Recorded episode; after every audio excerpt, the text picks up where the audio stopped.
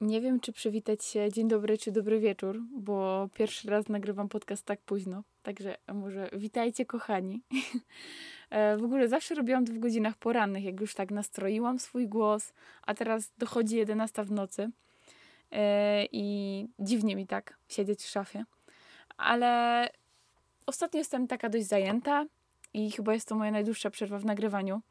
E, tak jak się zastanowiłam, to pewnie wynika z tego po części, że mam mnóstwo zajęć, jakichś wyjazdów na co dzień i też z tego, że uwaga, ostatnio biegam krótsze dystanse, a moje właśnie takie odchłanie myślowe i kreatywne w ogóle jakieś przemyślenia zazwyczaj zaczynają się po czwartym kilometrze, także po prostu mam na to mniej czasu. I dwa ostatnie weekendy byłam na zawodach w trójboju siłowym. E, niestety w tym roku nie dane mi było startować na żadnych zawodach. I to wcale nie dlatego, że nie jestem studentką czy coś, na przykład na akademickich zawodach, nie będąc studentką, nie mogę, ale po prostu zrobiłam sobie trójbojową emeryturę yy, i jestem tylko biegową kulą, czy tam kulką, nie wiem. ale słuchajcie, ostatni miesiąc zrodził we mnie taki promyk nadziei, bo na nowo polubiłam się z przysiadami i martwymi ciągami. Nie chcę w ogóle zapeszyć, ale trening siłowy w końcu ponownie sprawia mi przyjemność. I dużo osób, tam koleżanek, kolegów z pomostu, e, zapytało mnie, dlaczego nie startowałam. I tak szybko wspomnę o tym, jak to się w ogóle stało, bo mój ostatni start był na akademickich mistrzostwach e, Polski w maju 2019. I mimo, że do tamtych zawodów już naprawdę tak na siłę trenowałam, żeby tylko wystartować, to dopiero po tych zawodach stwierdziłam, że naprawdę jest żenada i już w ogóle sprzedaję singlet, byłam w ogóle zdenerwowana na siebie. Singlet to taki kostium do startowania i że żegnam się z pomocy, z tam koniec. I ta decyzja nie była dla mnie łatwa, bo cały ten klimat trójbojowy, ten klimat zawodów, w sumie sam start dla startu e, zawsze sprawiał mi wiele radości, ale od jakiegoś czasu to się zmieniało i w, po każdych zawodach czułam takie ogromne rozczarowanie, byłam na siebie wkurzona, i za każdym razem porównywałam się do tych najsilniejszych dziewczyn i mimo, że odnajdywanie w kimś w ogóle motywacji nie tylko w sporcie jest raczej takie pozytywnie widziane, to to nie było odnajdywanie motywacji, tylko pogrążanie się w tym, że nigdy nie będę na ich poziomie. Po prostu się porównywałam. No i tak udręczałam się nad sobą, że jakaś dochodziła do tego niepotrzebna presja i nierealne cele, które chciałam osiągnąć, a no, no nie było szans. I w tym wszystkim właśnie pogubiłam sobie wtedy to, co najbardziej lubiłam, czyli trenowanie dla samej siebie. Że biłam tam te swoje życiówki dla własnej satysfakcji i oczywiście nie potrafiłam przez ten czas emerytury na dobre wyrzucić treningów z życia, e, ale to była taka, wiecie, rekreacyjna forma, że tam machałam sobie jeden kilo na biceps. I po prostu, żeby zaspokoić psychikę, to chodziłam sobie na siłownię i coś tam sobie robiłam. I w sumie dopiero podczas właśnie tej kwarantanny e, udało mi się dotrzeć, dlaczego tak się działo. E, właśnie, że uświadomić sobie e, to, to, że ta presja mnie zniszczyła. I wtedy odpuściłam sobie już wszystko. Nawet nie zmuszałam się w domu do robienia jakichś paru przysiadów, czy tam wykroków, czy ćwiczeń, którymi chwaliłam się na Instagramie, że tam z belką robię fajne przysiady w lesie. I wtedy właśnie wkręciłam się w bieganie to tak jakoś odprężało mnie. Robiłam to na luziku, tak dla siebie. I tam z treningu na trening cieszyła mnie każda ubiegana minuta. E, I jeszcze te super ordery w Endomondo, e, które są nagrodą jak uścisk ręki prezesa. Nie no, w mojej głowie to trochę śmieszniej było. E, I w ogóle będąc teraz na zawodach, jak widziałam te wszystkie zawodniczki, to ich tak w środku zazdrościłam. Bo w ogóle w tym środowisku trójbojowym jest taki spoko klimat, że zawodnicy i zawodniczki kojarzą się ze startów i jest taki, nie wiem, półświatek, ekosystem jakiś trójbojowy.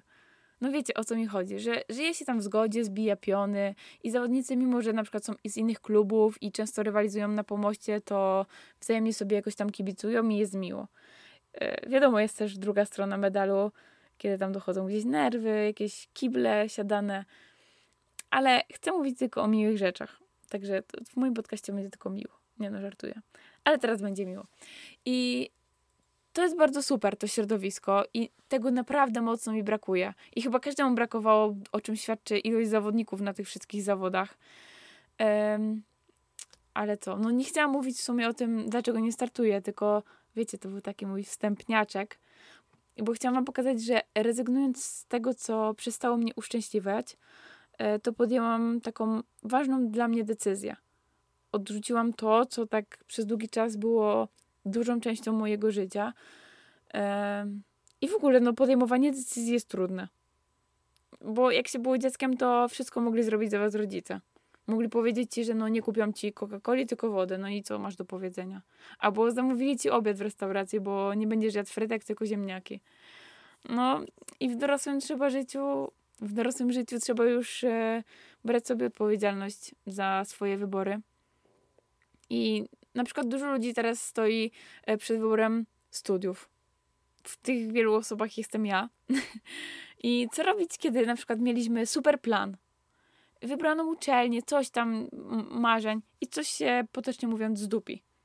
No co wtedy? Czy iść na jakieś inne studia, czy nie iść, czy się wyprowadzać, szukać pracy, czy co robić w ogóle? No co? I niektórzy podejmują decyzję, który kierunek wybrać, na przykład czy ten, który doradzają im rodzice, bo bądź lekarzem, bo to są pieniądze, czy taki, o którym marzymy od zawsze, czy nie wiem, śpiewać i chce ktoś iść na jakieś studia aktorskie. No, wiecie, to są takie schematy tutaj, o których się wiele razy mówi, ale no, dla niektórych może się wydawać błahostką, bo może mają już jakiś mocno sprecyzowany plan, który raczej przebiegał po ich myśli, ale no chyba w każdy w takim momencie życiowej zmiany ma stresa i niepewność i się zastanawia, czy rzeczywiście dobrze robi. I, ja mam coś takiego, że ludzie lubią mi opowiadać różne rzeczy i proszą o radę. I w ogóle ja jestem człowiekiem, który sam potrzebuje rady, a, a nie udzielania, no ale czasami wiem, co tam powiedzieć. Jeśli tylko wiem co, oczywiście. E, ale sobie jest tak dużo ciężej dać taką radę, że jakby ktoś teraz zapytał mnie, gdzie iść na studia i co robić, bo ma tak i tak w życiu i, i takie ma wątpliwości.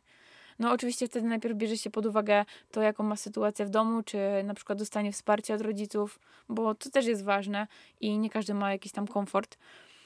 Ale ja to pewnie powiedziałabym, że żeby nie, nie zważać na zdanie innych, żeby nie brać tej presji pod uwagę zewnętrznej, że musisz być jakimś e, lekarzem, tylko żeby kierować się własnym wewnętrznym odczuciem. I ja właśnie takim odczuciem się pokierowałam, jak szłam na pierwsze studia, i to był strzał w dziesiątkę. Bo ja w ogóle nie musiałam się zamartwiać, na jaką uczelnię się dostanę i tak dalej. Po prostu złożyłam na jedną i nie widziałam innej opcji, bo czułam po prostu, że to miejsce dla mnie i tak było. Ale co jak na przykład ktoś się nie dostanie, a bardzo mu zależy? no to ja wtedy mówię, że musi robić wszystko, żeby się dostać. Że zapisać na jakiś inny kierunek, prosić o przeniesienie, prosić kogoś o pomoc, nie wiem, korzystać z jakiejś dodatkowej rekrutacji. No nie wiem, ja to pewnie bym waliła drzwiami i oknami, ale musiałabym w środku czuć takie, że naprawdę chcę. I to nie jest tylko w wyborze uczelni. Ale ostatnio musiałam to sprawdzić, czy decyzja, którą poniekąd już podjęłam, jest dla mnie. I znalazłam w ogóle kiedyś na kanale na YouTubie Langusta na Palmie taki film Ojca Szóstaka, w którym dał kilka pytań takich mm, pomocnych w podejmowaniu decyzji. I nieważne, czy jesteście osobami wierzącymi, czy nie, te pytania są uniwersalne, dlatego nie wyłączajcie jeszcze podcastu. e, I warto swoją decyzję przeanalizować w oparciu o te pytania, właśnie. I e, teraz powiem o nich. Tylko zaznaczam jeszcze, że to nie są moje pytania. E, link do filmiku wrzucę w opisie filmiku, jak będę umiała.